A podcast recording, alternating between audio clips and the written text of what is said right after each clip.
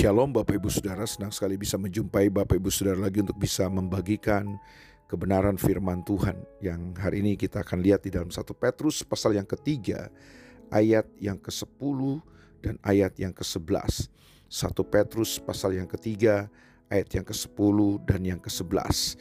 Siapa yang mau mencintai hidup dan mau melihat hari-hari baik, ia harus menjaga lidahnya terhadap yang jahat dan bibirnya terhadap ucapan-ucapan yang menipu. Ia harus menjauhi yang jahat dan melakukan yang baik.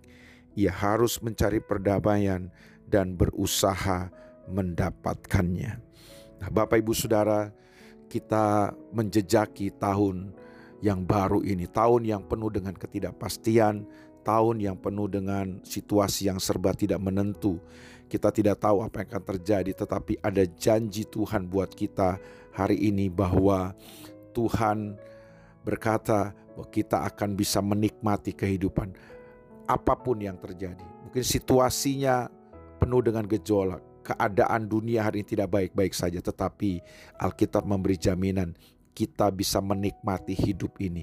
Kita bisa menikmati hari-hari yang baik. Sekalipun situasi dan keadaan dunia hari ini tidak baik-baik saja. Tetapi kita dapat menikmati hari-hari yang baik di dalam Tuhan.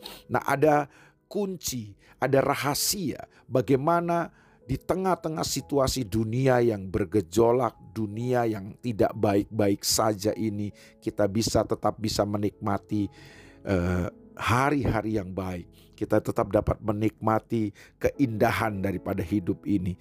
Alkitab memberitahu kepada kita ada dua hal yang sangat penting yang dia berikan kepada kita lewat ayat firman Tuhan ini. Yang pertama adalah jaga perkataan kita, jaga lidah kita.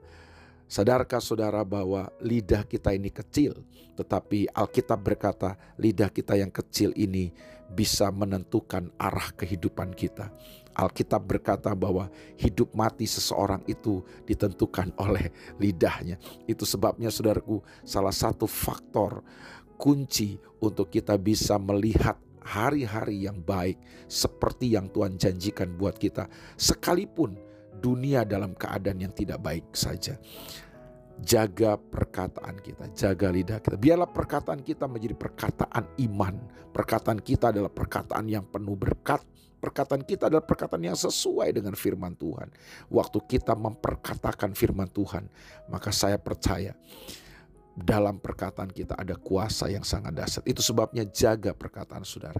Jangan sampai perkataan yang penuh kutuk, perkataan yang bersungut-sungut, perkataan yang sia-sia, perkataan yang negatif yang keluar dari kehidupan kita. Ingat, perkataanmu akan menentukan arah kehidupanmu. Nah, yang kedua Alkitab memberitahu kepada kita lewat ayat-ayat ini adalah janganlah saudara jemu berbuat baik taburlah yang baik dalam kehidupan kita. Di mana pun kita berada, taburlah kebaikan, saudaraku.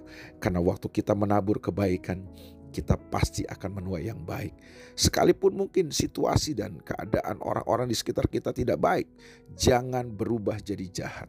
Tetaplah menabur kebaikan. Sekalipun mungkin kita harus mencucurkan air mata, sekalipun mungkin kita harus uh, mengalami hal-hal yang sulit, hal yang tidak menyenangkan, tapi jangan pernah lupa tetaplah tabur kebaikan waktu kita melakukan yang baik, waktu kita menebarkan kebaikan baik dalam rumah tangga, dalam keluarga, dalam bisnis, dalam pekerjaan kita, dalam kehidupan kita. Kita percaya firman Tuhan bahwa apa yang kita tabur itu yang kita tuai. Waktu kita menabur yang baik, kita akan menuai yang baik. Nah, saudaraku, dua hal inilah yang perlu untuk kita perkuat Dua hal inilah yang perlu kita perhatikan. Yang pertama, jaga perkataanmu. Biarlah perkataanmu adalah perkataan yang penuh berkat, perkataan yang sesuai dengan firman Tuhan. Perkatakanlah firman Tuhan, perkataan iman, per perkataan yang membangun, perkataan yang positif. Tapi yang kedua adalah tetaplah tabur kebaikan lewat perbuatan kita. Kita percaya bahwa apa yang kita tabur itu yang akan kita tuai dalam kehidupan. Selamat menjaga perkataan saudara, dan selamat menebarkan kebaikan di mana pun saudara pergi dan berada. Dan kita pasti akan menuai yang baik dan kita akan melihat hari-hari baik dalam kehidupan kita. Tuhan memberkati kita semua. God bless you. Bapak dalam nama Yesus berkati umatmu hari ini. Kami percaya tahun ini akan menjadi tahun yang penuh dengan kebaikan. Hari-hari yang baik. Bukan karena situasinya yang baik, tetapi karena kami punya Tuhan yang baik.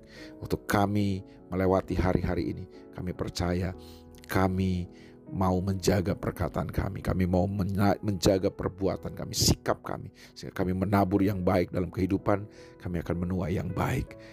Berkati umatmu dalam nama Yesus. Amin.